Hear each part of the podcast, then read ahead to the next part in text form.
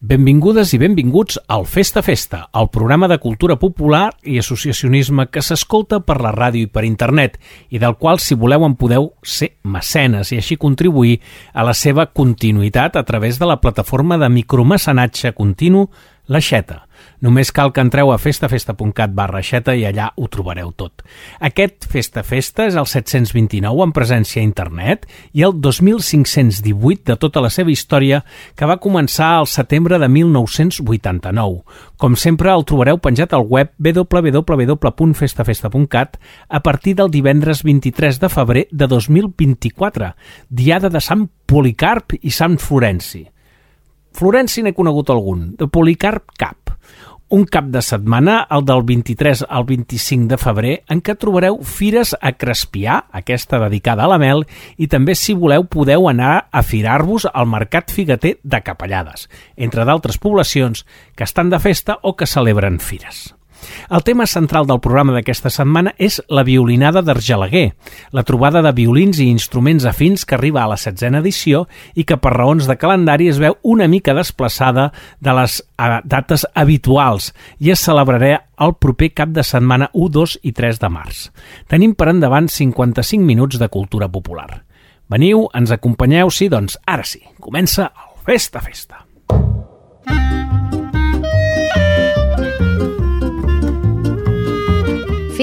festa! Cultura popular i associacionisme a la ràdio i a internet.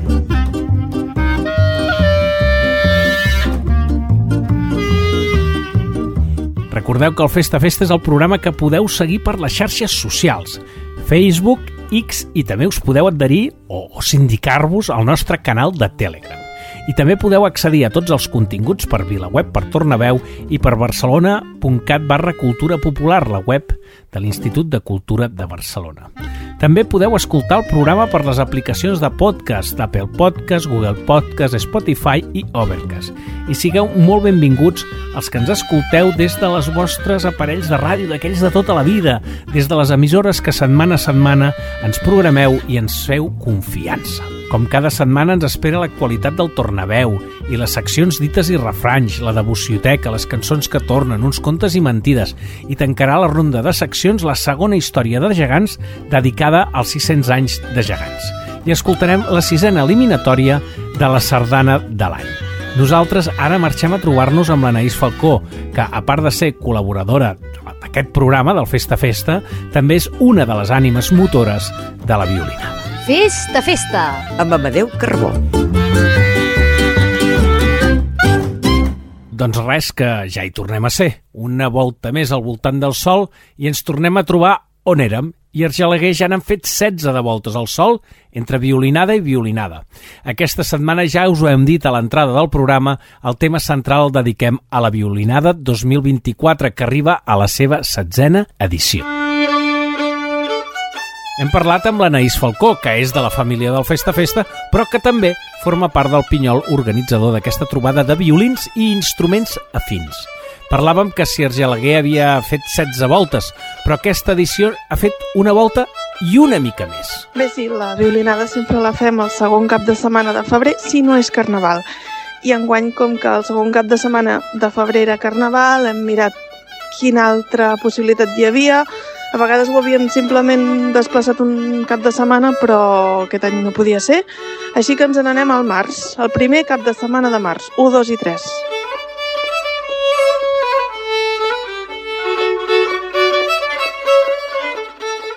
Ara que som a punt de celebrar la setzena violinada, potser és el moment de mirar enrere per saber com va començar tot plegat. La violinada va néixer per la necessitat de generar un espai d'intercanvi d'immersió del voltant del, del violí entès des de les seves formes més populars i vinculades a les músiques tradicionals i sempre des del primer any amb, una form, amb unes fórmules que eh, generaven diferents propostes per poder tenir diferents vivències i experiències i que en total doncs, t'emportessis un abans i un després a casa. I per tant crear com una, en forma de tot allò que s'estava fent una mica en petites parcel·les, en petits entorns, poder-ho posar en comú i fer una realitat amb una idea, si voleu, una mica nacional, en el sentit de el violí tradicional a Catalunya és això que estem fent.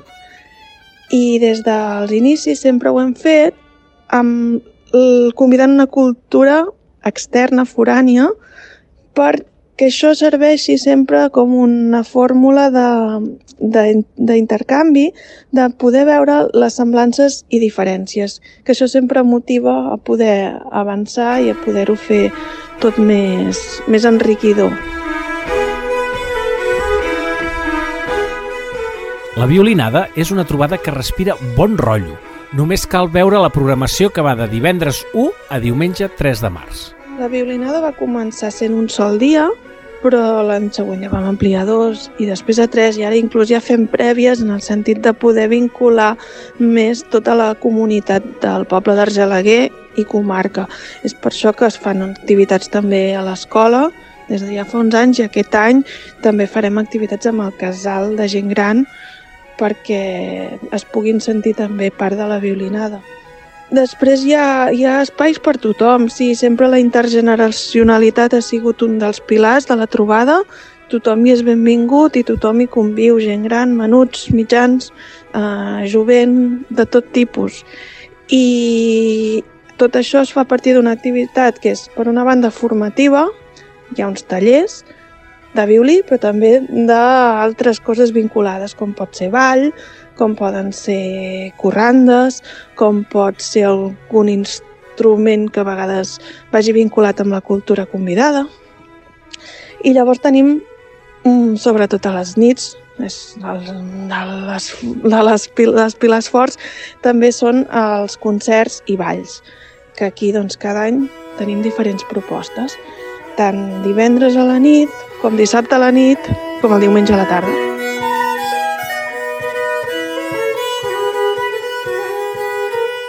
El diumenge és el dia fort de la violinada. El diumenge és el dia històric i és quan hi ha la cercavila, el dinar popular i després una mostra de tallers i un, encara un concert o ball de cluenda. A dir-vos que enguany la cultura convidada és de Noruega, i ens venen un violinista i, un, i, un, i uns altres músics experts en la música tradicional de Noruega que seran doncs, la, la font d'inspiració i intercanvi juntament amb tots els professionals músics i aprenents i no aprenents i de tot que, que hi ha de Catalunya i altres indrets perquè per molts ja venir la violinada doncs, és una fita anual bàsica. I sí que és cert que que el diumenge a vegades està cansat, però és quan comencen a florir ja les emocions de tot el cap de setmana i, i ets més conscient del que t'emportes i que hi ha hagut un abans i un després i que per tant podem dir ben fort que el violí ens ha fet més vius un cop més.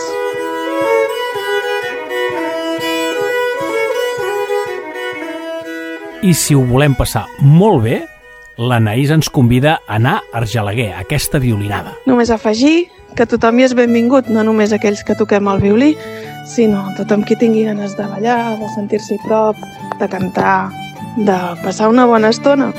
La proposta és una forma d'entendre la festa, la vida i la música. Moltes gràcies, Anaïs Falcó, una de les ànimes d'aquesta setzena violinada d'Argelaguer per atendre els micròfons del Festa Festa. Des del Festa Festa us desitgem, com sempre, tots els èxits del món possibles per a aquesta edició de la violinada. Nosaltres ara continuem amb el programa. Festa, festa!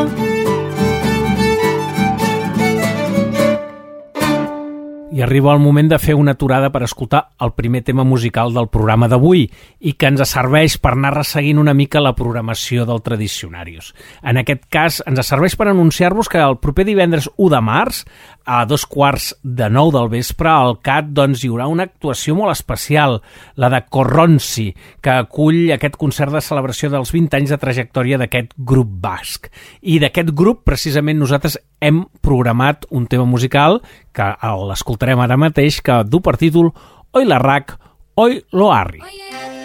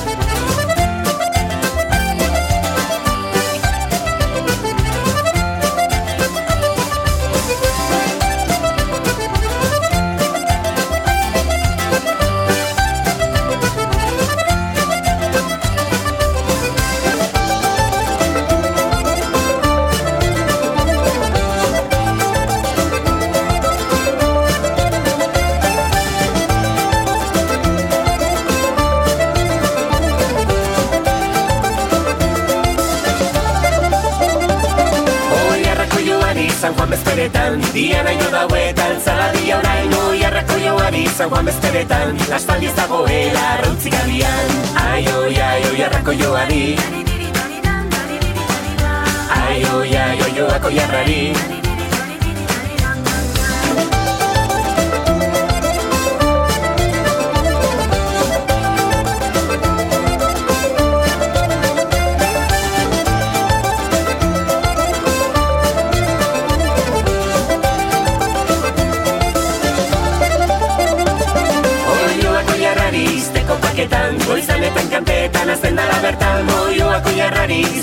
zaketan, aspaldi da bilera zerzaken du nahian. Ai, oi, ai, oi, arrako joari. Ai, oi, ai, oi, joako jarrari. Ai, oi, ai, oi, joako jarrari.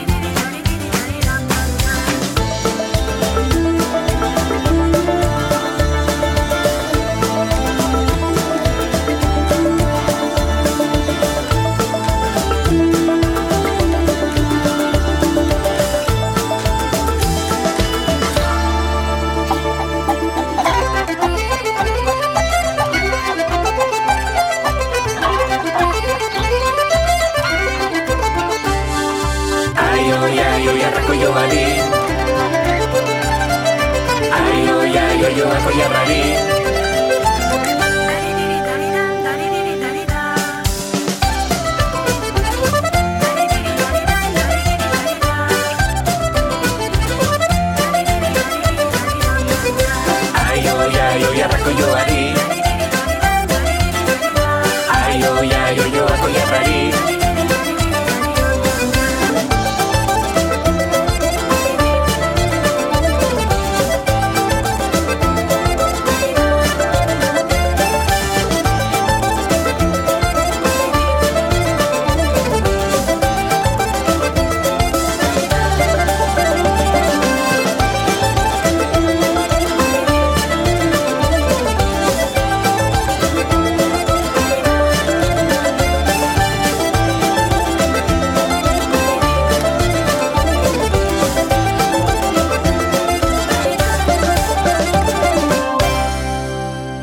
Hem escoltat Oi la Rac, Oi lo Arri dels Corronsi.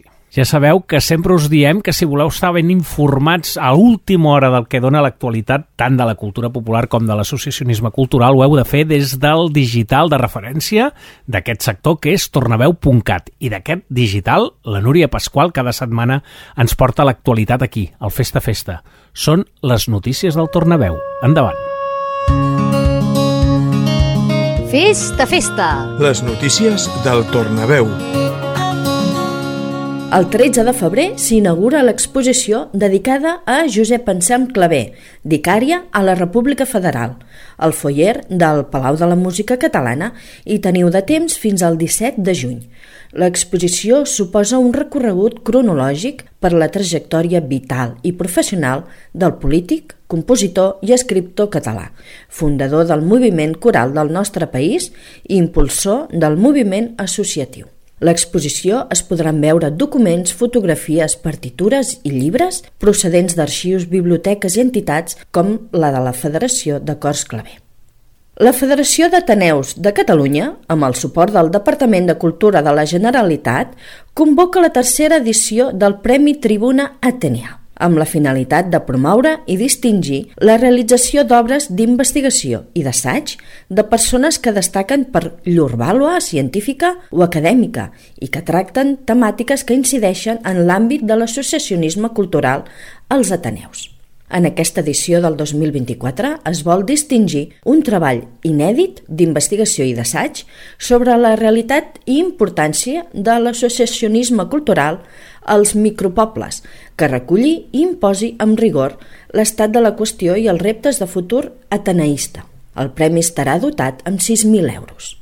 Torna la jornada de teatre breu, 10 històries de 15 minuts. La jornada tindrà lloc al Catllà, el pròxim 9 de març a les 5 de la tarda. Es posaran en escena una desena d'obres breus i inèdites. El pròxim dissabte 9 de març a les 5 el Centre Cultural del Catllà acollirà una autèntica marató de teatre breu Serà la tercera edició en què participen una desena de companyies de teatre que presentaran 10 obres, propostes molt heterogènies tant en gèneres com en arguments. Una jornada que també pretén fomentar la creativitat, atès que les obres que s'hi representen han de ser peces originals.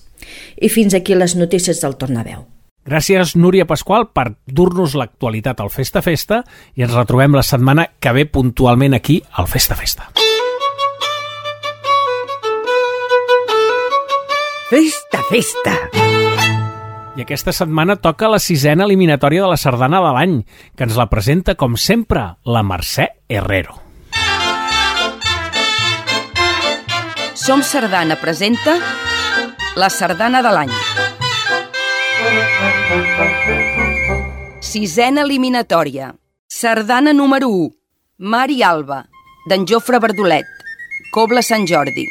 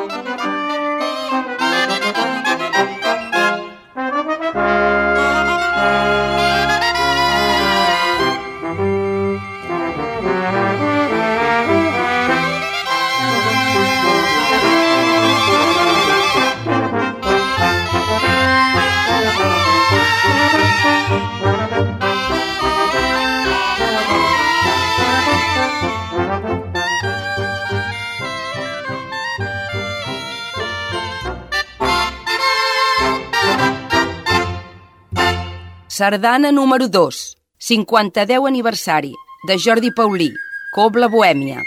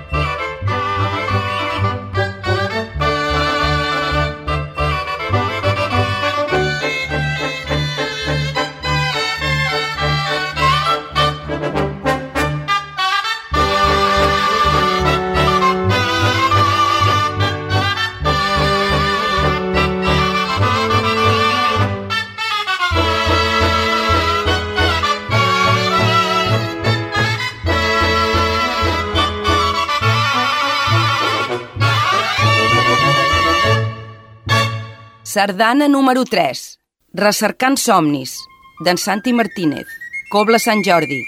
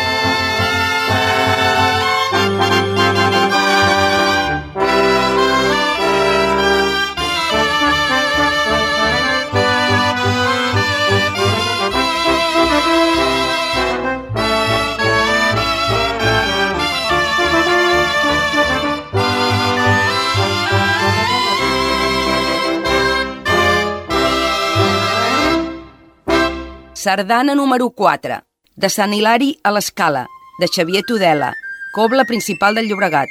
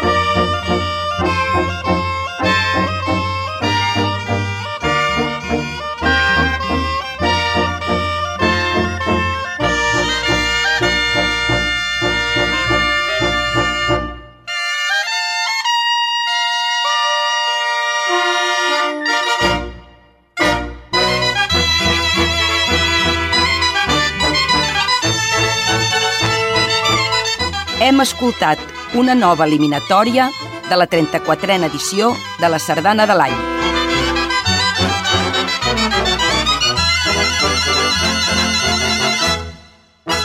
Gràcies, Mercè Herrero, i fins la setmana vinent. Recordeu, tots els que ens esteu escoltant, que si voleu participar i votar ho podeu fer al web lcda.cat, repeteixo, lcda.cat, i allà podreu tornar a escoltar les sardanes, mirar que si aquesta és millor, si aquesta és pitjor, aquesta m'agrada més, i acabar votant la que més us hagi agradat.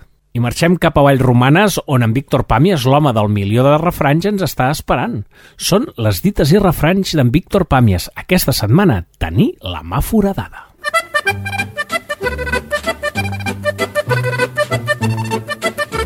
Fes ta festa.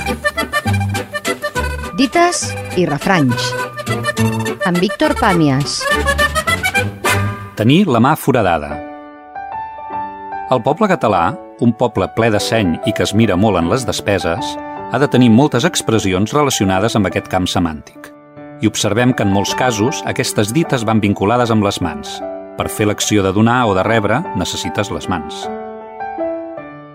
En el cas que ens ocupa, significa excedir-se en les despeses, però amb les mans podem expressar moltes altres coses, com ara tenir la mà blana, ser indulgent, tenir la mà trencada, ser hàbil o expert, tenir la mà pesada, pagar fort, tenir la mà llarga, tendència a pagar, o tenir per la mà, tenir-hi experiència. En els darrers anys, entre la crisi i les retallades i pressions de l'estat espanyol per evitar una consulta i un divorci inevitable, tenim les mans més foradades que mai. I ara ens cal trobar els pedaços per tapar tant de forat o trobar uns guants que s'hi ajustin a mida, o engegar-los a fer la mà.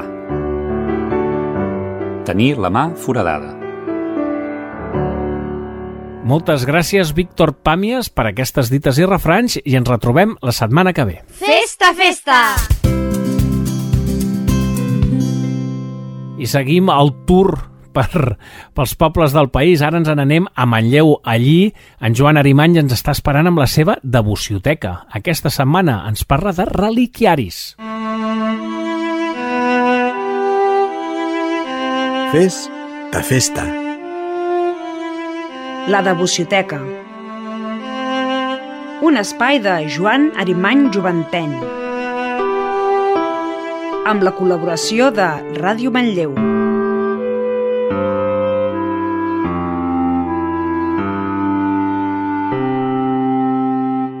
Els reliquiaris són els objectes que contenen relíquies de sants.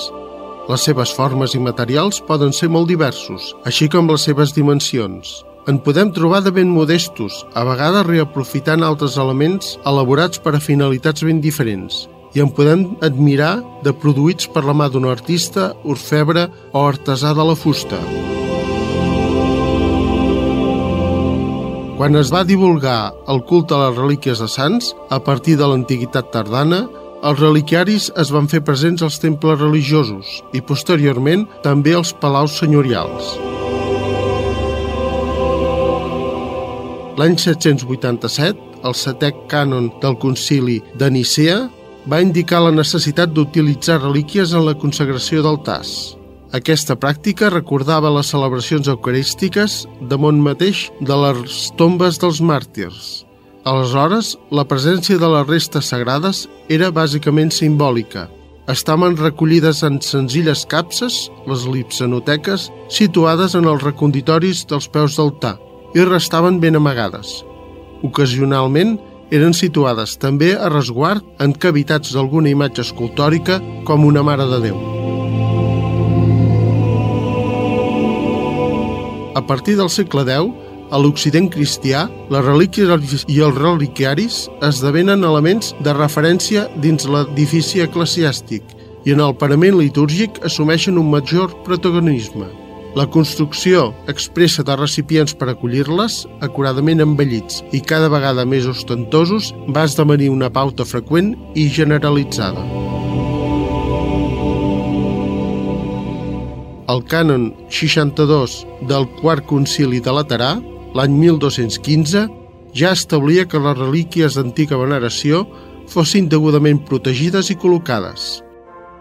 A la baixa edat mitjana, a l'esplendor de l'estil gòtic, els sepulcres de sants van adoptar formes fastuoses, generalment damunt de pilars, que permetien la circulació de feligresos al seu voltant per venerar-los i dir-los missa a tocar.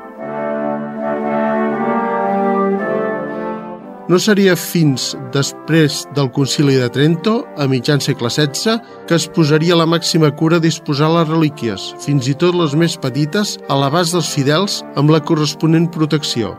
En aquesta època, la religiositat barroca eren freqüents els reliquiaris antropomorfes, generalment de metalls preciosos com l'or o la plata. Solien tenir les formes que simulaven les formes naturals d'aquelles parts del cos a la qual pertanyia la relíquia, un cap, un braç, un peu. També es van divulgar les veracreus, que contenien una petita estella atribuïda a la creu on va morir Jesús en la passió.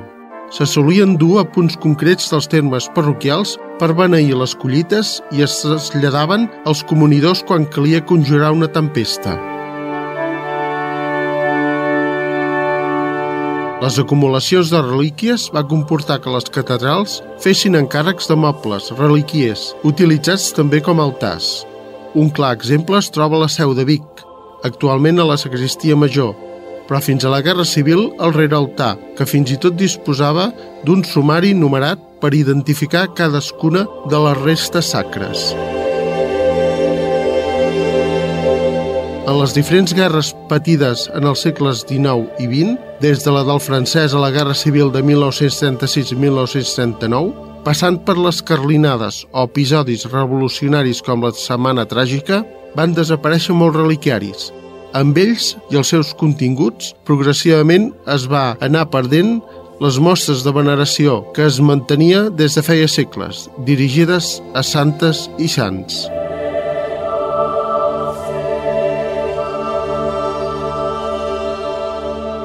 Moltes gràcies, Joan Arimany, per aquesta debucioteca i ens retrobem ben aviat. I ara farem una aproximació al que és la música tradicional gallega i ho farem de la mà del grup Caldo, un trio gallec que acosta la música tradicional a contextos sonors contemporanis a través de l'experimentació amb els propis instruments i la veu i que enguany presenten el seu nou disc Lugar a Ponte i que el podrem presenciar, si voleu, el diumenge 3 de març a les 7 de la tarda al CAT Tradicionarius doncs, es presentarà aquest lugar a ponte dels Caldo. Nosaltres escoltarem d'aquest treball un tema musical que du per nom Càncaro d'Abril.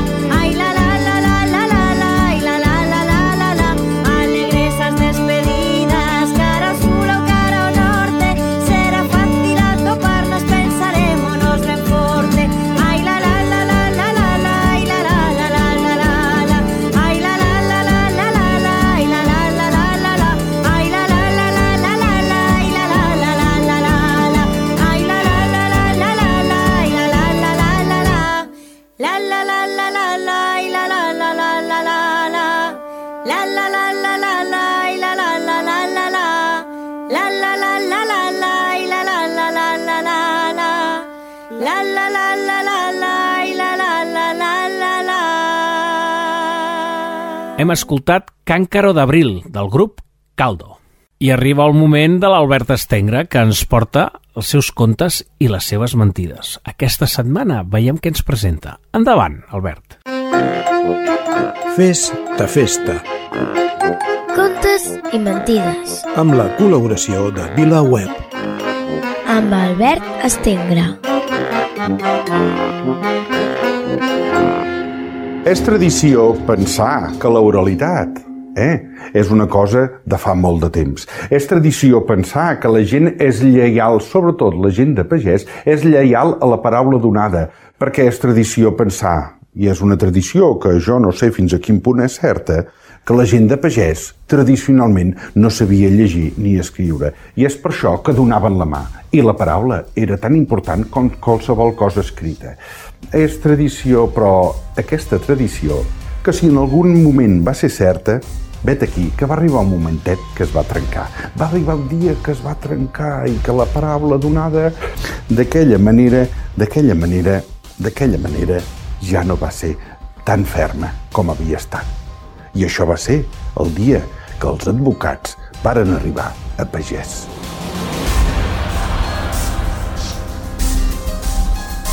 Hi va haver un, un pagès que estava enfadat molt amb un altre per unes terres, una cosa, no sé què, un acord que havien tingut i aquell pagès allò li repetejava perquè hi havia aigües per entremig. I aquell pagès estava enfurismat. I pel poble se sabia, i pel poble hi va arribar un advocat. I aquest advocat va anar a trobar el pagès. Pensava, en trauré diners, jo d'aquí. I el pagès li va explicar. Li va explicar les trifulques, les desavenences que tenien l'un amb l'altre i el de llonces l'advocat li va dir mireu, jo us puc resoldre us puc resoldre aquest afer diu, ah sí? Com? Mireu, que em sembla que el teniu guanyat que teniu vos la raó home, la raó, la raó jo li vaig prometre, jo li vaig donar la mà i li vaig donar paraula que allò era seu, però és que ara no em convé. És que... I l'advocat se'l va mirar i li va dir a veure, a veure, a veure, de tot això n'hi ha escriptura? Ho vàreu escriure en algun paper? I el pagès va dir no, només li vaig donar la paraula. Ai, noi, ai, ai, ai.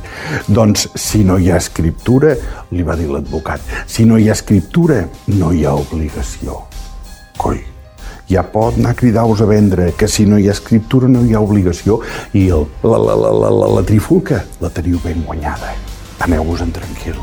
Ah, i aquell pagès va girar cua i, i se'n va anar bé, se'n va anar. Se n'anava ben tranquil i l'advocat de seguida el va cridar escolteu-me, escolteu-me, veniu, veniu, veniu un momentet, què voleu vos ara? Eh? O és que el consell que us he donat val uns diners? Vos m'heu demanat una cosa, m'heu fet una consulta i això val diners i m'heu de pagar tant. El pagès se'l va mirar i li va dir, senyor advocat, ja ho heu endevinat, oi? Doncs sí. Senyor advocat, digueu-me, de tot això que em dieu, que hi ha escriptura. L'advocat va fer cara sèria i va dir no. I el pagès, que de pagès sí, però que de babau ni gota no en tenia, li va dir, doncs, si no hi ha escriptura, no hi ha obligació. Va girar cua i va continuar marxant tranquil, tranquil d'haver guanyat no un no, sinó dues disputes aquella sola tarda.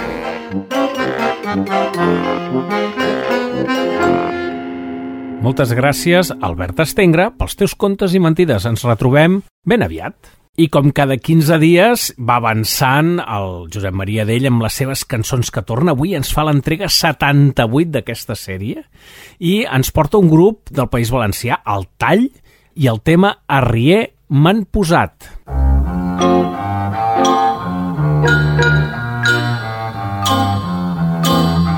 Festa, festa! Cançons que tornen. Unes pinzellades a l'entorn de la nova cançó amb les veus dels seus protagonistes. Recull i presenta Josep Maria Dell. Càpsula 78. El tall.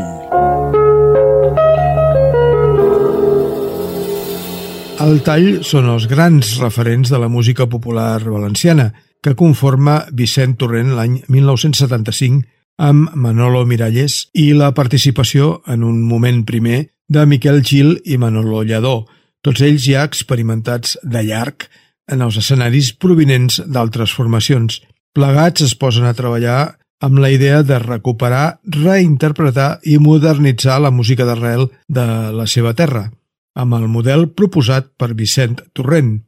El tall arriba per cobrir un espai que, segons recorda ell mateix, estava una mica deixat de banda. Hi havia gent, però no mitjans. En aquell moment és que hi havia mogolló de, de gent, de, de cantautors, cantants i grups, i feien concerts en parròquies progres, centres parroquials progres, col·legis majors, cinefòrums, hi havia, entonces hi havia cineclubs, que, en fi, una sèrie de llocs que feien concerts per ahir, però ningú va gravar cap disc. I jo li dic la generació sense disc, i hi havia gent molt bona. I la qüestió és que hi havia gent molt bona, però d'inspiració, perquè diguem que tècnicament pues, la cosa era molt elemental. La guitarreta, o si era un grup, tres guitarretes o, i dos palos ahí pegant un poc de percussió, era un poc elemental, encara que hi havia cançons molt boniques. I jo, pues, eh, parlant amb Manolo i en Miquel, Manolo Miralles i Miquel Xil, diem, hauríem de fer algo que tinga un poquet més d'entitat musicalment, perquè si no, això és un poquet pobre i tal i començarem en això. El que passa és que pront ja mos decantarem per lo que, lo que mos posarem a fer. No? Estaguerem un temps fent coses diferents i, i al final va guanyar la meva proposta, que era fer un poc el que venien fent abans en l'equip valencià folk, però en compte de cantar les cançons del folk nord-americà o sud-americà, doncs eh, el que farem és el que feien ells, parlar de les nostres coses, parlar de les coses de, de la teua gent i dir-ho musicalment en les arrels musicals del país. És el que feien els nord-americans i també els sud-americans. En definitiva, volen escapar del cliché de la generació de cantautors massa emmirallats en la música americana, igual que uns anys abans els iniciadors del grup de folk de Barcelona fugien del model més afrancesat dels 16 jutges. Per tot això, trobem en el repertori d'alt tall tots els referents de la música popular i tradicional i els fets històrics del País Valencià. També componen cançons i participen en actes diversos reivindicatius i festivals fora de, del territori estrictament valencià. Anem a recordar el tret de sortida de la formació el disc primer que publiquen l'any 1975, dedicat majoritàriament a la música tradicional, presentant-hi també algunes composicions. Aquell disc es titula precisament Cançó Popular País Valencià, d'on escoltem ara la cançó que torna avui al Festa Festa, Arrier m'han posat. És el grup El Tall.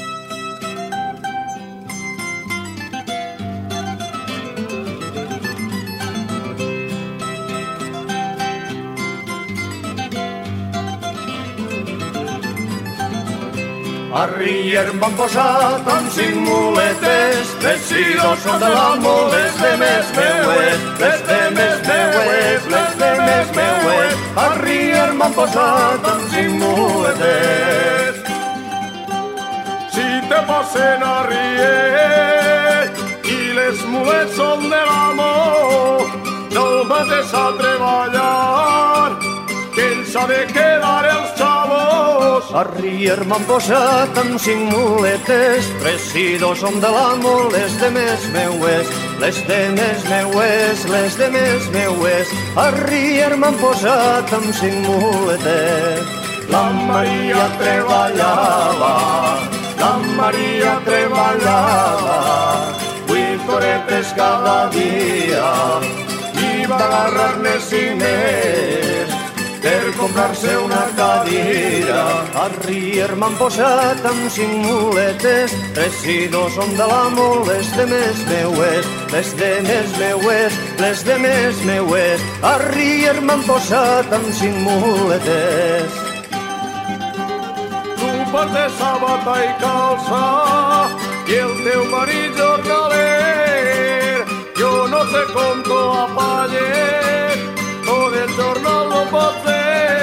A Rier van posat amb cinc muletes, tres i dos són de l'amo, les de més meues, les de més meues, les de més meues. A Rier m'han posat amb cinc muletes.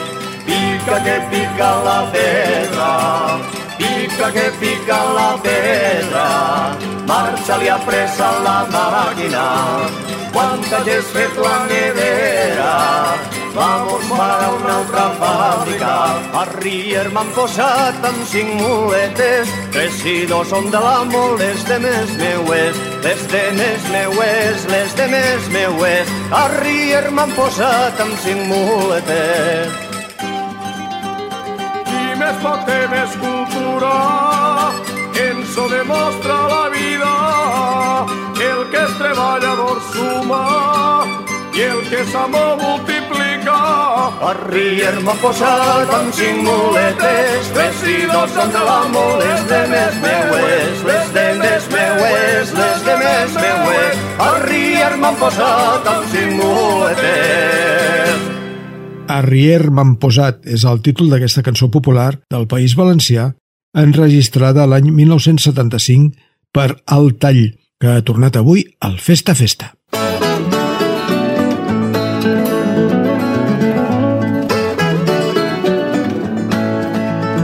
Festa, festa!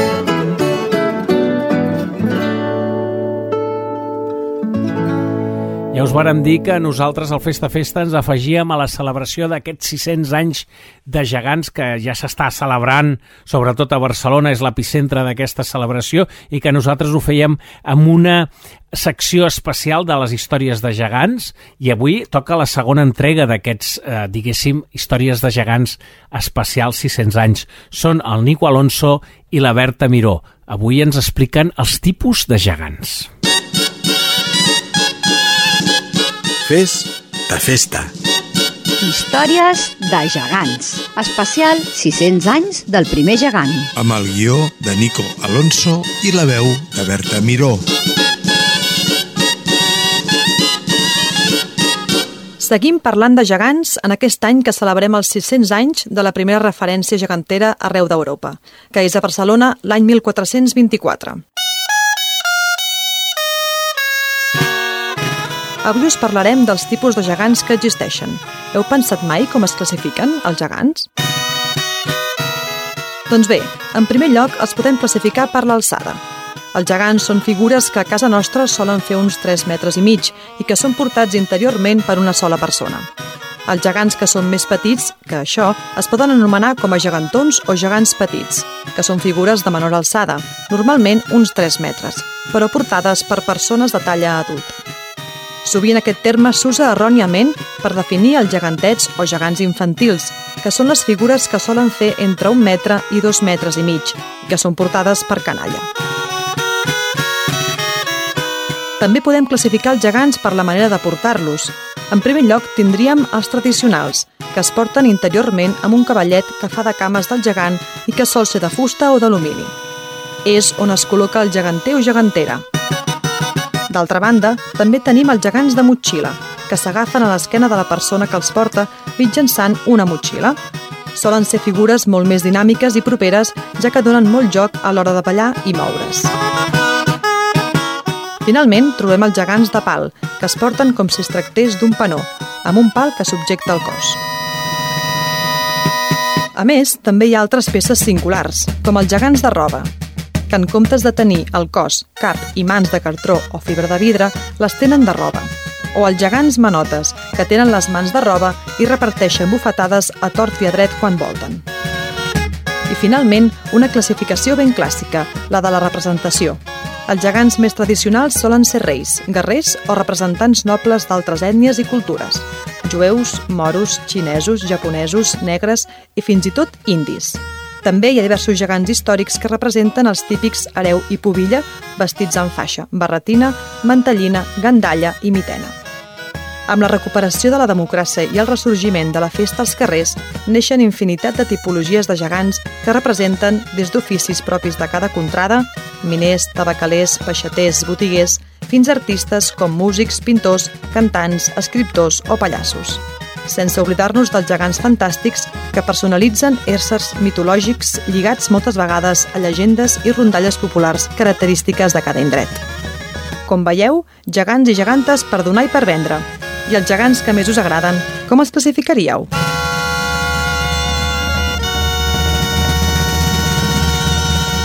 Moltes gràcies, Berta Miró i Nico Alonso, per aquests gegants, per aquests gegants especials 600 anys, i ens retrobem el mes que ve. Festa, festa!